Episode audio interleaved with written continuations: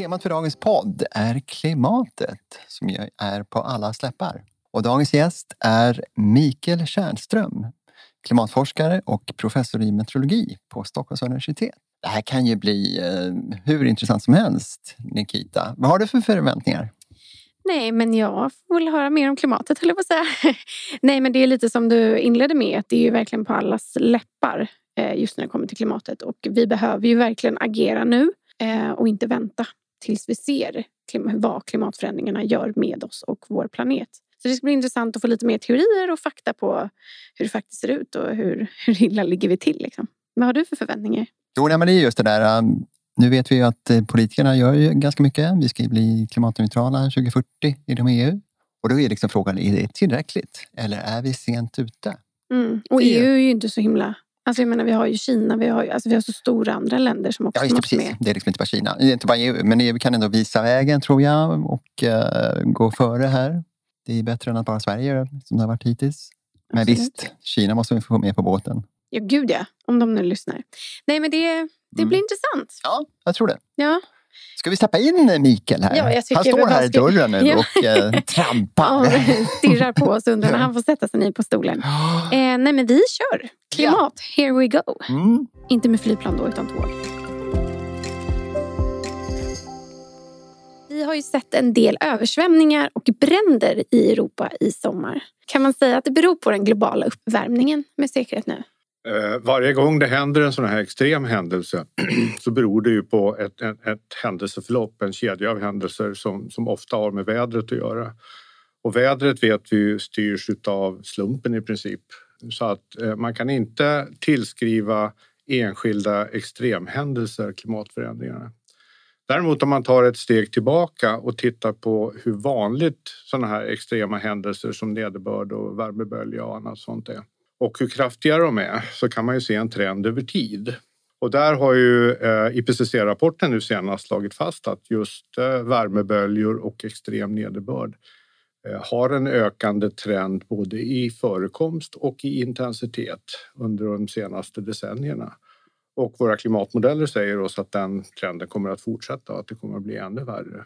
Eh, Så att man kan inte säga att vädret en sommar beror på klimatet eller, eller, eller extremväder under en sommar beror på klimatet. Men däremot kan man titta på den större bilden och se hur sådana här händelser blir vanligare. Och, och de flesta av de här händelserna händer ju på vissa platser men de händer ju inte alltid på samma platser. Va? Så att man kan inte liksom analysera extremväder på en given ort heller. Men jag tänker på det här enkelhet. som hände nu senast, det här skyfallen som var i Gävle.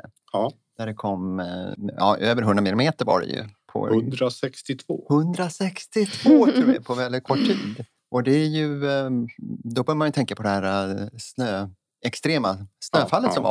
var för, ja det är mer än 10 år sedan säkert? Ja, Kanske 20 år sedan.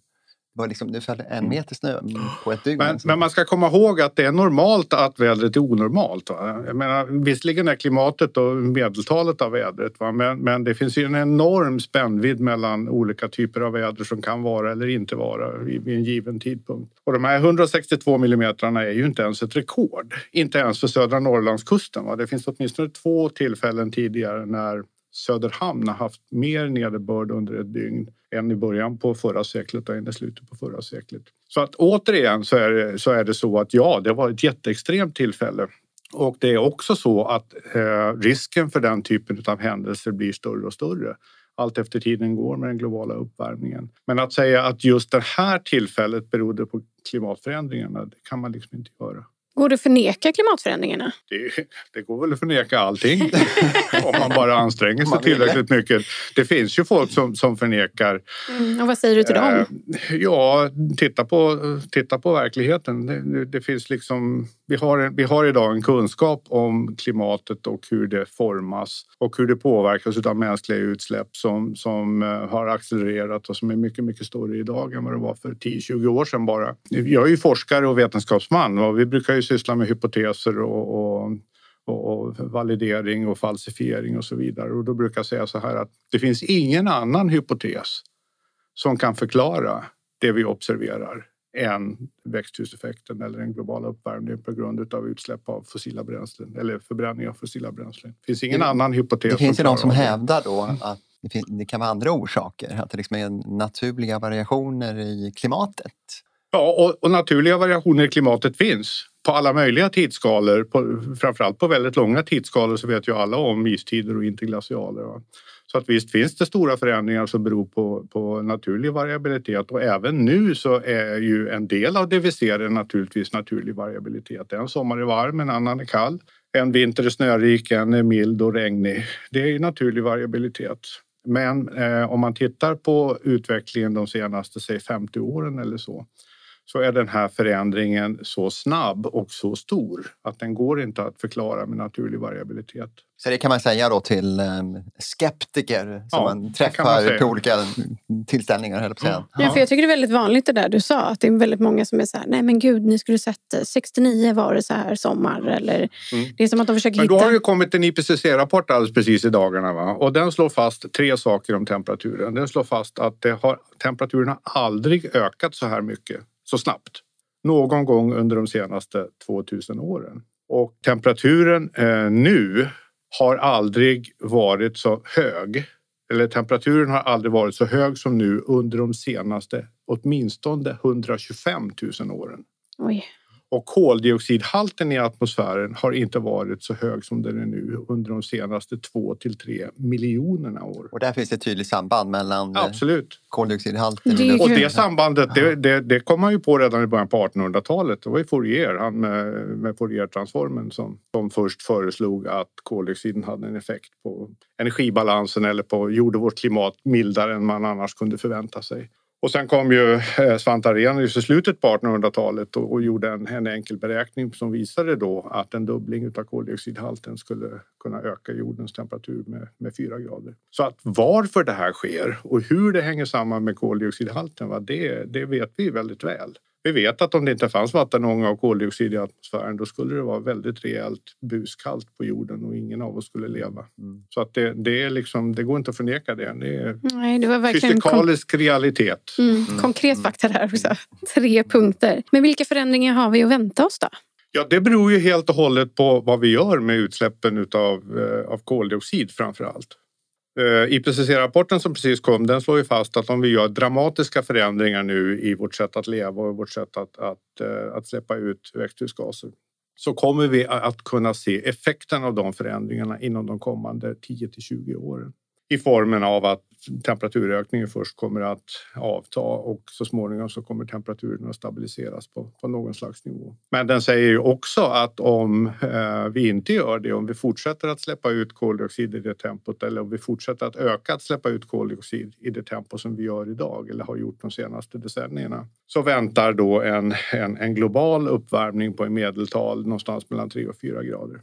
Och det innebär ju inte 3 och 4 grader överallt då, utan det innebär ju kanske 1 till 2 grader i tropikerna och kanske 12 till 16 grader i Arktis.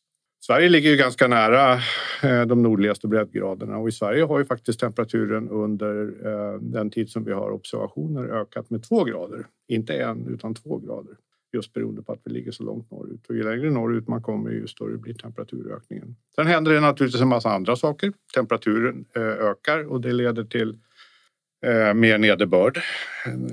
Varm luft förmår att hålla mer vatten som gas än kall luft. Och när temperaturen ökar så avdunst, ökar avdunstningen och det blir mer vatten i, i omlopp och då får man också en ökning av nederbörd. Men sen kommer vi till det som vi börjar det här samtalet med och, det är de här extremerna då. Och då visar det sig att eh, den extrema nederbörden ökar mer än medeltalet gör. Så att det är både så att den totala mängden ökar och det gör den globalt. På alla platser där det, där det finns nederbörd som är signifikant så ökar nederbörden. Men den extrema nederbörden ökar snabbare än, äh, än, än medelvärdet. Ja, man brukar ju prata om det här hundraårsregn. Mm eller 50-årsregn. Alltså för hundrade år så inträffar de här ja. extrema vädersituationerna som har varit nu mm. betydligt oftare. Och det är det du menar egentligen? Ja, eh, nederbörd är mycket svårare än temperatur va? därför att nederbörden är mycket mer lokal. Va? Så därför är det svårare att se trender och det är svårare också att säga någonting om framtiden. Men när det gäller just nederbörden så har man ju i, i den senaste IPCC-rapporten då i, i Summary for Policymakers som den här sammanfattningen heter som jag har läst eh, säger man det att det som idag, eller som historiskt är att betrakta som en tioårsnederbörd, alltså nederbörd som återkommer i genomsnitt en gång var tionde år. Det kommer att komma 1,7 gånger om vi kan begränsa uppvärmningen till 2 grader.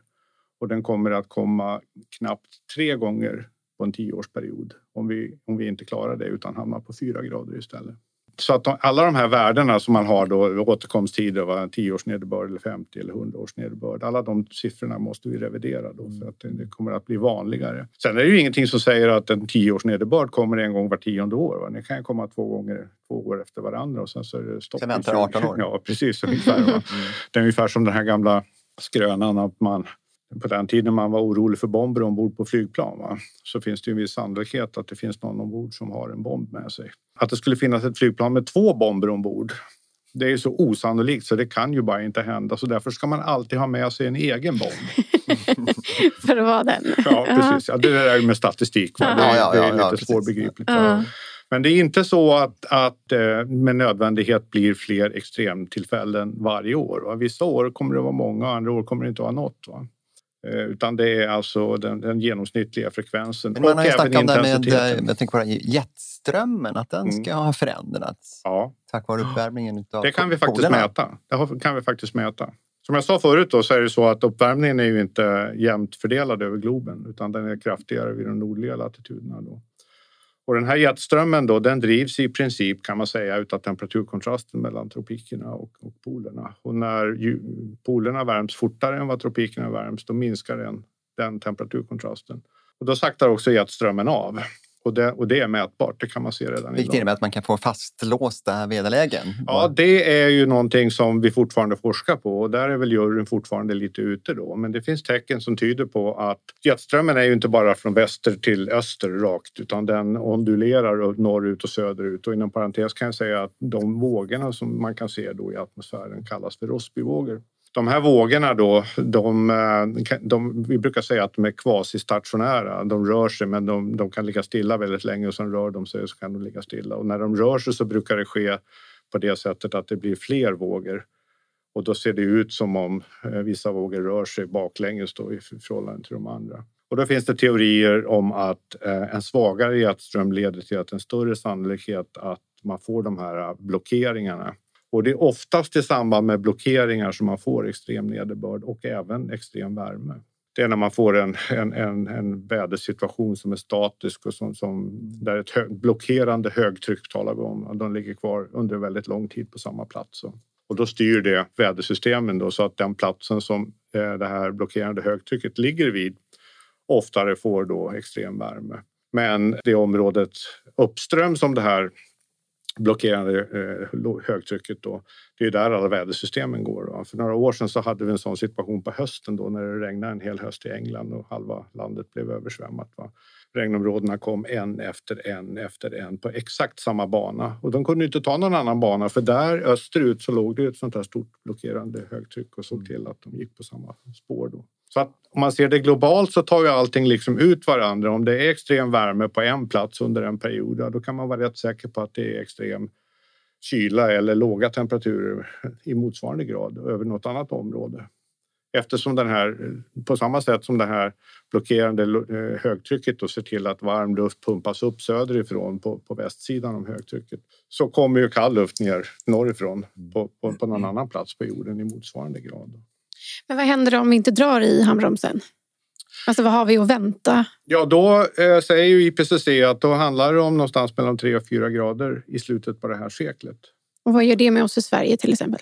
Eh, Sverige har ju utmärkta förutsättningar att klara av det? Och, och jorden kommer att överleva och klimatet är inga problem med. Men däremot så är det ju frågan om samhället klarar av det och det är ju framför allt i länder som inte har sådana förutsättningar som Sverige som, som problemen kommer att uppstå i de fattiga länderna och i länder som ligger till exempel i, i, i områden där nederbörden är marginell. Då. Där kommer ju nederbörden att minska då, så kanske det blir svårt att odla och, och så.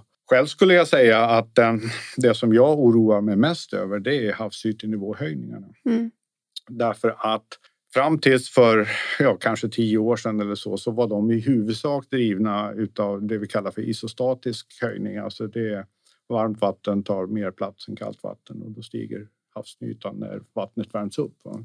Men sen något decennium tillbaka så är det en allt större andel av havsnivåhöjningen som kommer ifrån land. Alltså det är våra stora landisar, framförallt Grönland och även Smältvatten alltså, Ja, smältvatten i Mm. princip. Och de systemen är så vansinnigt tröga. Så de jagar hela tiden klimatet. Va? Klimatet idag, va? Det, eh, de här isarna är i balans med det klimatet som var för hundra år sedan. Va? Och nu ändrar vi klimatet på, på, på några decennier, kanske några hundratal år. Va? Och även om vi då lyckas stabilisera klimatet på plus en, en halv eller två eller tre eller fyra grader och det blir stabilt sen, temperaturen blir stabil, så kommer de här, havs, de här inlandsisarna att fortsätta smälta glatt i kanske ja, 2, 3, 400 år till.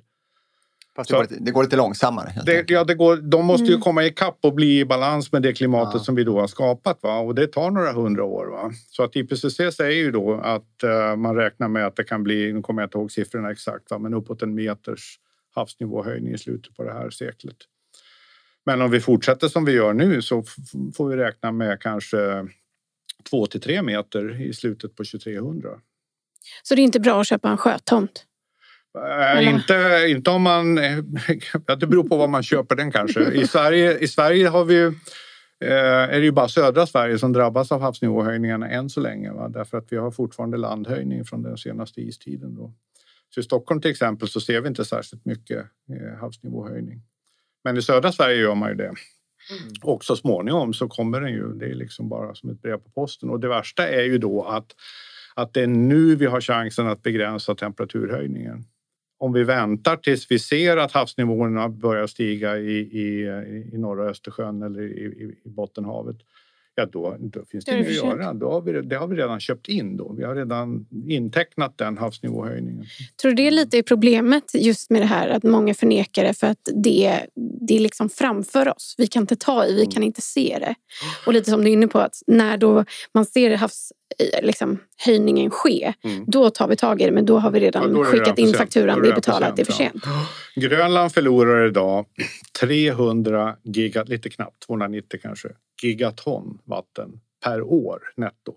Ökar lite på vintern och minskar lite mer på sommaren. Men om man tittar över de senaste 10-15 åren och gör ett medeltal så handlar det om 270 till 290 gigaton. va? Det är, vad, vad ja, det, är drygt, det är drygt en halv meter över hela Sveriges yta. Oj, oj, oj. Och nu har ju Antarktis börjat smälta också. Mm. Mm. För kanske tio år sedan så såg man inga trender i Antarktis på, på avsmältningen. Men eh, sen kanske tio år tillbaka så har man börjat se en trend där även där. Och det är ju inte lika, riktigt lika mycket som på Grönland men det är fortfarande fullt mätbart.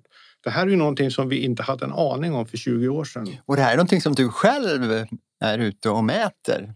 Jag tänker på dina Inte expeditioner när, det gäller, inte när det gäller eh, inlandsisar och, och havsnivåhöjning. Det är inte mitt forskningsfält. Jag åker till, till Arktis och, och, och studerar samspelet mellan atmosfären och havsisen. Havsisen är en annan grej. Va? Den ligger redan i havet. så att Det är synd om den smälter men det påverkar inte havsnivån. I alla fall inte nämnvärt. Men det jag skulle säga var det att för, för 20 år sedan kanske man inte hade en aning om allt detta. Men idag kan vi då mäta detta. Och det är ju teknologiska framsteg som har gjort det. Vi kan alltså mäta, vi kan inte mäta hur mycket is som finns på Grönland, men vi kan mäta hur mycket massan av isen på Grönland förändras från år till år och från månad till månad genom att mäta hur gravitationen förändras. Och det gör man med satellit numera. Då. Så, så att det här har vi ganska bra koll på. Vi kan mäta både hur mycket vatten som rinner av ifrån de här stora landisarna. Men vi kan också mäta med radarsatellit hur mycket havsytan höjs globalt. Va? Det, nu, vi behöver inte förlita oss på peglar. Sådana här skeptiker brukar alltid lyfta fram någon pegel som de har hittat någonstans. En pegel vet ni vad det är? Va? Det är som man har på kusten och mäter havsytans nivå med en liten ja, mätsticka i princip. Vi behöver inte förlita oss på dem längre utan vi kan mäta havsytans nivå globalt över hela området och den är ju inte heller eh, homogent fördelad och, och det är vissa områden som, som drabbas värre än andra områden. Då. Och även där så ligger ju Sverige då som sagt inte, inte värst till i klassen. Utan. Sen så finns det ju det som, som eh, många pratar om då som IPCC kallar för Uh, low probability high impact, alltså låg sannolikhet men stor impact. Va? Det är ju om en sån här shelfis eller en stor landis eh, helt enkelt knäcker av och rinner ut i havet. Och det kan inte hända på Grönland i någon större utsträckning men däremot så kan det hända i Antarktis. Och det är då som sagt liten sannolikhet att det ska hända, men om det händer... Det är så... extremt stora effekter där. Ja, precis. För då, han, då, handlar, då, rä- då räcker inte den här metern längre. Då. Nej. Utan då blir det mycket, mycket... Jag tror att det här är någonting som kommer hända inom vår livstid. Vi är lite olika gamla här förstås. Du menar eh, kollaps av isfälten i Nej, Antarktis? men jag tänker på den här, om vi tänker oss havsnivåhöjningen. Havsnivåhöjning har vi, vi har redan sett två decimeter. Ja, men jag tror liksom att det, ja, och det är ju åtminstone här i Sverige. Mm. och, och, det som, och det som du och jag kommer att märka, va, det är ju det som händer när det är extremt. Va? Låt oss säga att du har några decimeters havsnivåhöjning. Så regnar det som 17 under en lång period och så blir det en storm och så har du det man kallar för storm surge, alltså vinddriven havsnivåhöjning lokalt. Va? När det, de tre sakerna händer samtidigt och det gör det till exempel i tropiska orkaner. Då.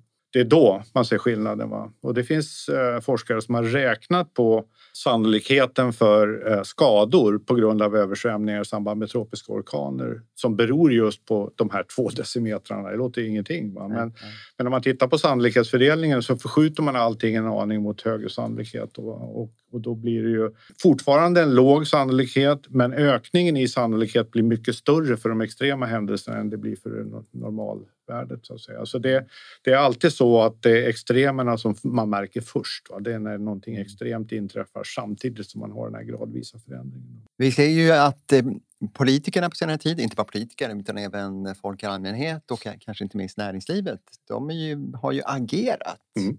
Vi har ju till exempel det här eh, fossilfria stålet, vi Mm. har eh, satsningen på elbilar och annat. Är det liksom tillräckligt, tror du? Nej, det är nödvändigt men det är inte tillräckligt och det går alldeles för långsamt.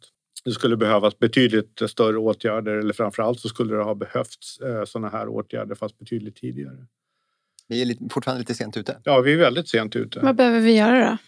Ja, vi behöver, det, det finns liksom ingen quick fix här utan vi måste alltså ersätta alla våra koldioxidutsläpp med någon annan form utav eh, producera energi på ett annat sätt. Va? Och där är vi lite grann på väg då i den industrialiserade delen av världen med solkraft, vindkraft, elbilar och annat sånt. Va? Men det är ju fortfarande så att eh, den tredje världen eller den, den utvecklande delen av världen, de har ju inte resurser att satsa på detta på samma sätt som vi kan göra.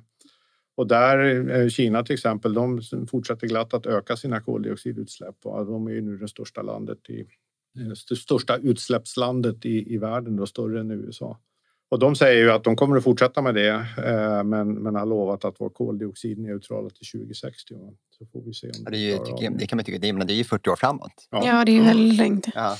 Ja, men om man fortsätter att öka, va? vi klarar ju inte... Vi, EU har ju som mål, nu kommer jag inte ihåg, om det är 2040 eller 2050. Ja, va? 2040 är vi fossilfritt. 2040, Va? ja, och tror det jag. är ju 2030. faktiskt inte så särskilt långt fram i tiden det heller. Va? Och vi är ju betydligt mer beroende än vad de är. Va?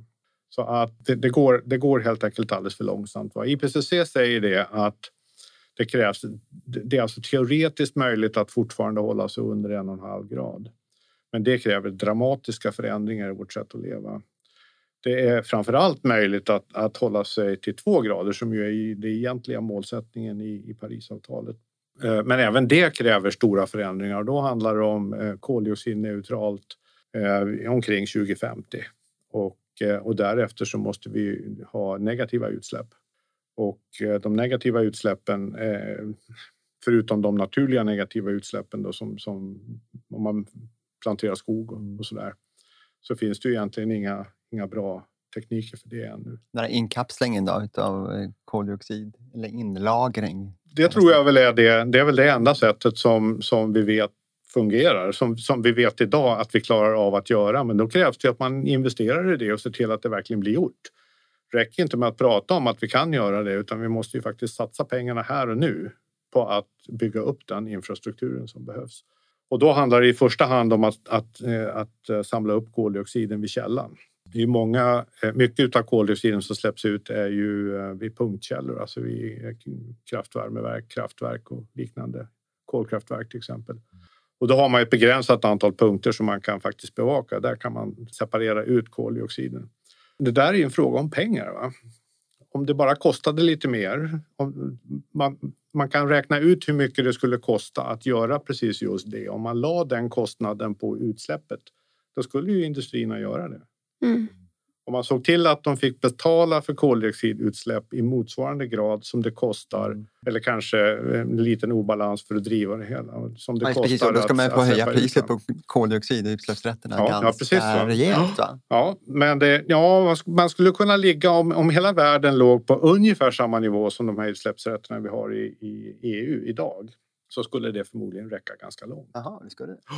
Men inte som det såg ut för tio år sedan. Va? De här utsläppsrätterna var ju alldeles för billiga ett långt tag. Va? Men nu har man ju modifierat och, och, ändrat lite grann och nu ser det lite annorlunda ut. Och just mot den bakgrunden då som EUs initiativ då med att man skulle ha importtullar då på produkter som är producerade utanför EU som motsvarade det som EU betalar, EU, industrin i EU betalar för utsläpp.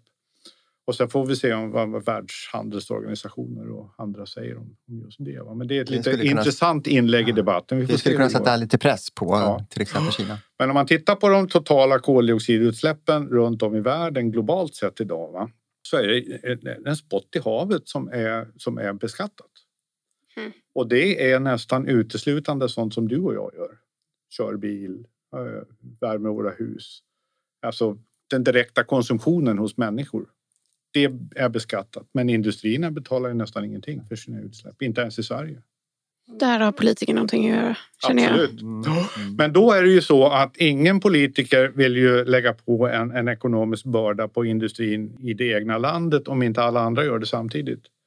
Och det är därför som det här EU-initiativet är så intressant. Då, därför att då, då committar man ju hela EU till att göra samma sak. Va? Och om man dessutom lägger på en importskatt så på sånt som importeras till EU av industrier som inte har koldioxidskatt så kan man driva utvecklingen framåt. Då.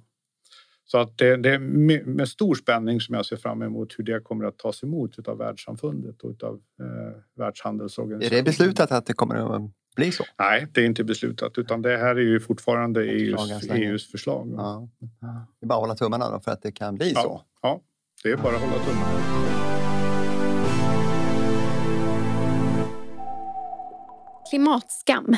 tycker jag illa om. Varför? Ja, därför att skam är ju inte något bra underlag för rationella beslut. Och ofta så är ju skam inte... Eh, man, man känner ju inte alltid som man känner skam inför det som man faktiskt borde känna skam inför. Jag, jag tycker att man ska fatta kloka beslut och man ska känna sig stolt över att fatta kloka beslut. Man ska inte känna skam över att, känna, att fatta dåliga beslut. Det är mycket bättre att sakligt försöka fatta rätt beslut och sen vara stolt över att man klarar det. Socker? Sött. Uppvärmning? Ja, när du säger uppvärmning så tänker jag ju spontant på att vi lever i ett land där vi behöver värma upp våra hus och, och, och så. Men det är klart att eh, den, den, globala uppvärmningen är ju också ett, något man kan tänka på i sammanhanget. Elbil eller etanolbil? Elbil. Utan tvekan? Ja. Etanolbilen, ska man se den som en parentes? Ja, jag tror det. Därför att det, hur man än vänder och vrider på det så är det ett bränsle som, som konkurrerar med livsmedelsproduktionen. Och det, och det leder till en massa komplikationer som kan vara svåra att genomskåda. Elbilen kan man ju köra med eh, många olika typer av så att säga, primär källa. Va?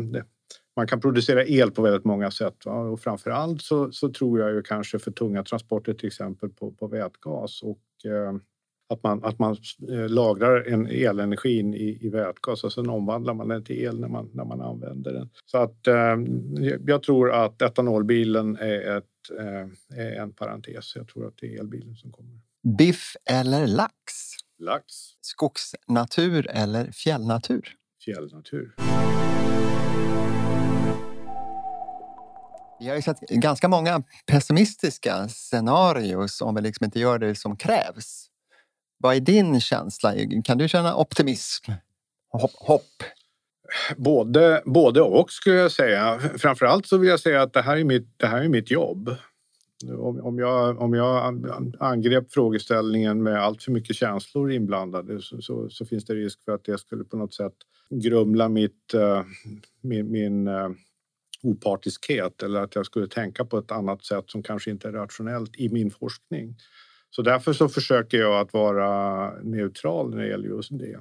Men jag är ju en person också naturligtvis som alla andra, eh, även om jag kanske kan lite mer om klimatet än de flesta andra. Så, och då skulle jag säga att jag är både pessimist och optimist. För jag är optimist så tillvida att jag tror att vi kan lösa det här problemet och jag tror att vi kommer också att lösa det här problemet. Men jag är pessimist så tillvida att det går alldeles för långsamt och vi kommer att få se förändringar i klimatet som kommer att drabba väldigt många människor som vi skulle ha kunnat undvika om vi hade varit kloka. Det är väldigt många eh, som säger att, att vara meteorolog är samma som en vad heter det, P, vad heter det, mm, lapplisa. Eller PBO, vad heter det? Jo, men, just för att det är så många som säger så här, men herregud att bli meteorolog det kan ju vem som helst bli för man gissar ju alltid fel. Och de får ju utstå massa fast, hot också. Ja, fast man kan ju också säga så här att det, det, är få personer eh, som har så många samtalsämnen kring middagsbordet eh, vid, vid bjudningar som, som man har som meteorolog. meteorolog. Och talar man dessutom om att man, att man åker till eh, Nordpolen med isbrytaren Oden några gånger nu och då så, så får man ännu fler samtalsämnen. Ja, det kan jag verkligen tänka mig. Det måste ju vara urspännande. Ja. Ser du skillnader? Du har ju varit där. När gjorde du din första expedition upp dit? 2001 var den första och den senaste var 2018. Däremellan är det fyra stycken resor jag gjort. Och sen ska du upp nu igen här? Ja, möjligen nästa år men, men relativt säkert då 2023. Och säger man liksom, är det märkbara förändringar? Liksom, som man kan ja, det observera? får man säga att det är. Men, men de är ju inte enkla att tyda då. Va? För att det finns fortfarande platser i Arktis där isen, eh, isen är ganska tjock och, och besvärlig att, att bryta sig igenom. Eh, så att det är inte så att man ser att oj, nu har det gått tre år sedan förra gången och nu är isen tre decimeter tunnare. Så är det inte. Va? Men däremot så ser man mera smältvattensjöar på, ovanpå isen. Och smältvattensjöar är det som bildas när snön ovanpå isen smälter. Den smälter ju först då, va? eftersom det smälter ifrån ytan. Och, eh, och den rinner ner i den lägsta punkten och bildar då väldigt vackra i för övrigt eh, sjöar med, med, med färskvatten i. Då. Så det blir mer svält, smältvattensjöar. Det är oftare som det regnar mitt i sommaren. Annars är det ju oftast snöfall i, i, i Arktis. Då. Och, och, sen så är det på vissa platser som man ser att, att isen drar sig tillbaks väldigt mycket fortare och det är framför allt norr om kontinenten om man tänker sig från Alaska och eh, vad blir det nu, västerut förbi den, den ryska kontinentalsockeln. Det är framförallt på den sidan som man ser att det blir mindre och mindre is. Väldigt, väldigt sällan, men någon gång nu och då, två gånger som jag känner till, tre kanske, så försöker man att göra såna här forskningsexpeditioner där man fryser in ett fartyg, ungefär som Nansen gjorde med Fram. Och, eh, och ett, ett, ett sånt experiment gick eh, 97-98 Eh, med en tysk isbrytare och när man skulle frysa in det fartyget på den ryska sidan då för att sedan driva över med isen över hela Polarkalotten. Och så hade man svårt att hitta ett isflak som, var, som var, höll tillräckligt bra för att man skulle kunna ankra vid det helt enkelt. Isen rör sig också mycket fortare. När Nansen drev över, över Polarkalotten med Fram så tog det ju flera år att komma över från, från Ryssland och över till den Atlantsidan.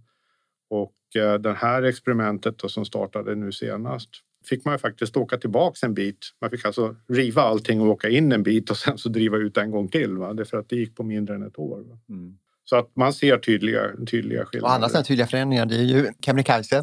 Till exempel. Kampen mellan nord och sydtoppen. Oh. Det verkar som att sydtoppen har kapitulerat. Där är det nog kört tror jag. Reflektion kring det.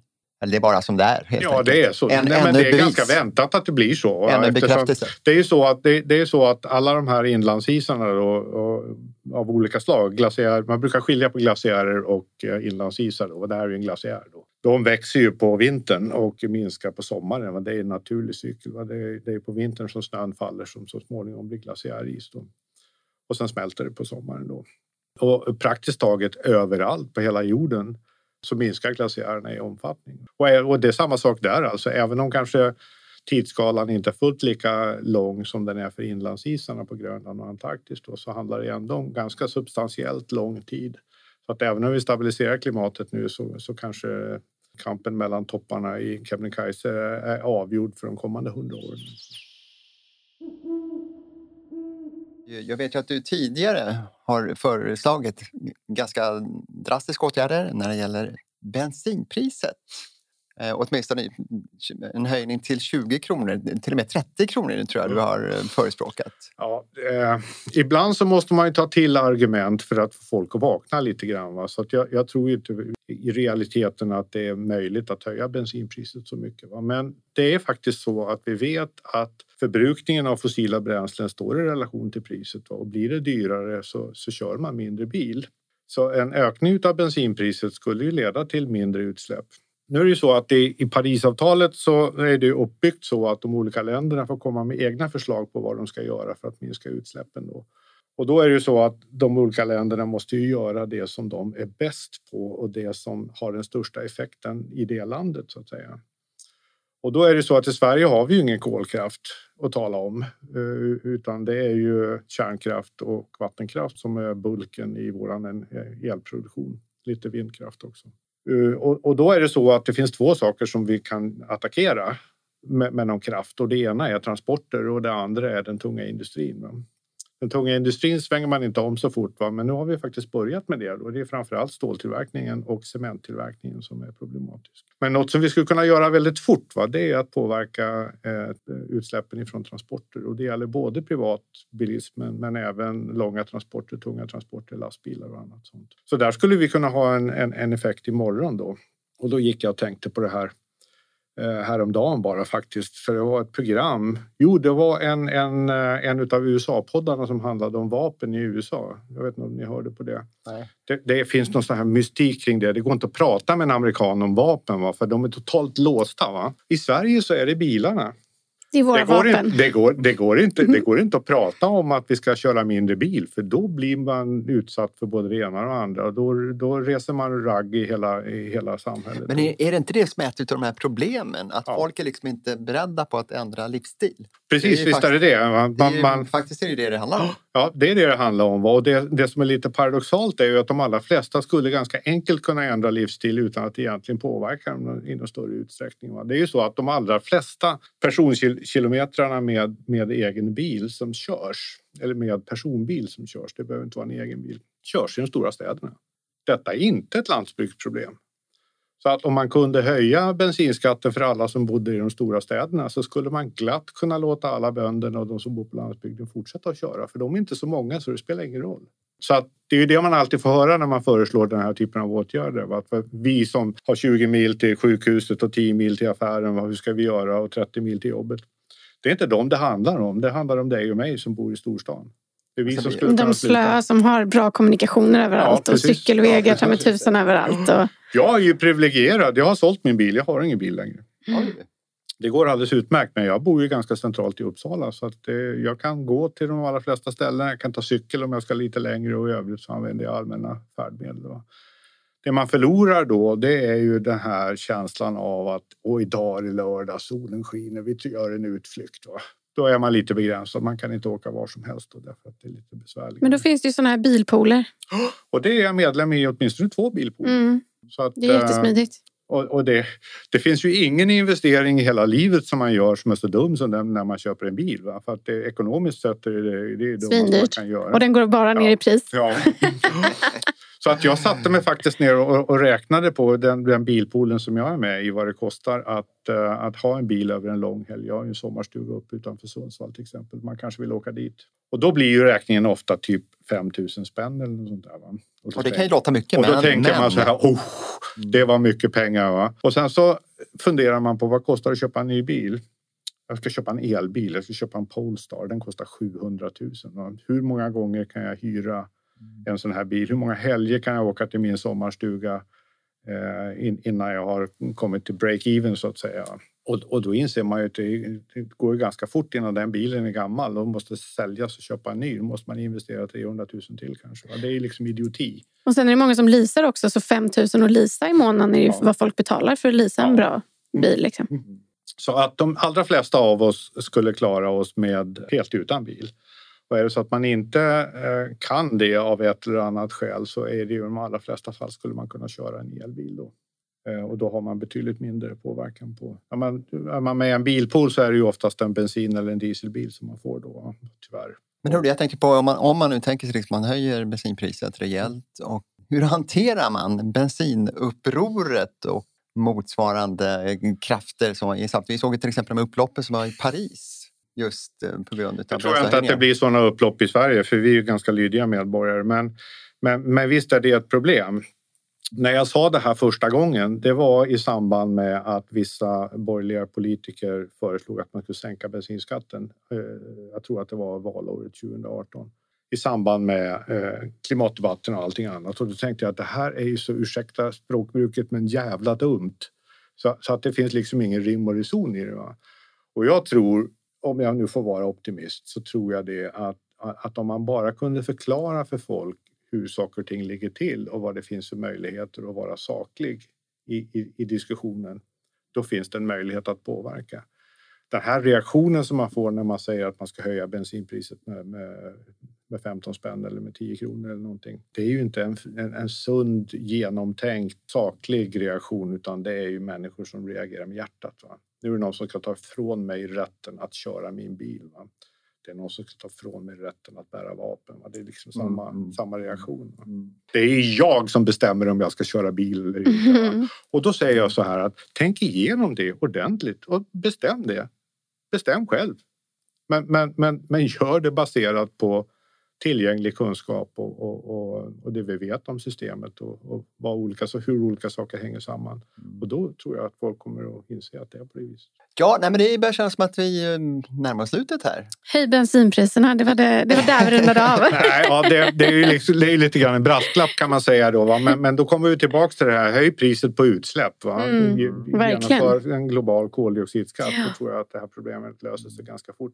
Men fort menar jag då några decennier. Va? Mm. Jag menar, det är den tiden som typiskt tung industri eh, liksom investerar och ser framför sig 10, 20, 30 år framåt i tiden. Om man visste att den här fabriken som vi planerar att bygga nu som ska släppa ut koldioxid kommer att bli si och så mycket dyrare därför att vi kommer att måste betala skatt på den här koldioxiden. Ja, då skulle man bygga in ett reningsverk redan på en gång och lagra den koldioxiden i markskorpan på en gång. Så vi har fått flera bra förslag här som vi kan skicka med till politikerna mm. inte minst. Och eh, det som jag tar med mig särskilt det är den här globala koldioxidskatten.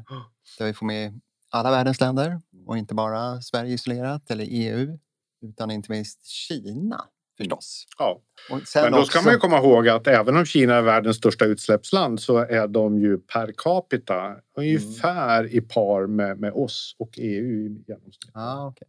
Så att det är fortfarande ah. så att det är USA som per capita är det största utsläppslandet. Mm. Men total, Mm. Kineserna är rätt många. Va? Ja, ja, de är ja, det. Ja, precis. De är det. De är det. Nikita, ta, vad tar du med dig? Nej, men dels det vi pratade om, att det är dags att dra i handbromsen och eh, alltså verkligen få människor att förstå. Mm. Eh, annars kommer vi se mycket klimatflyktingar snart, mm. helt enkelt. Så absolut. Inte panik. Ingen men, panik. Men ingen panik, ingen skam, men, men bråttom. Mm.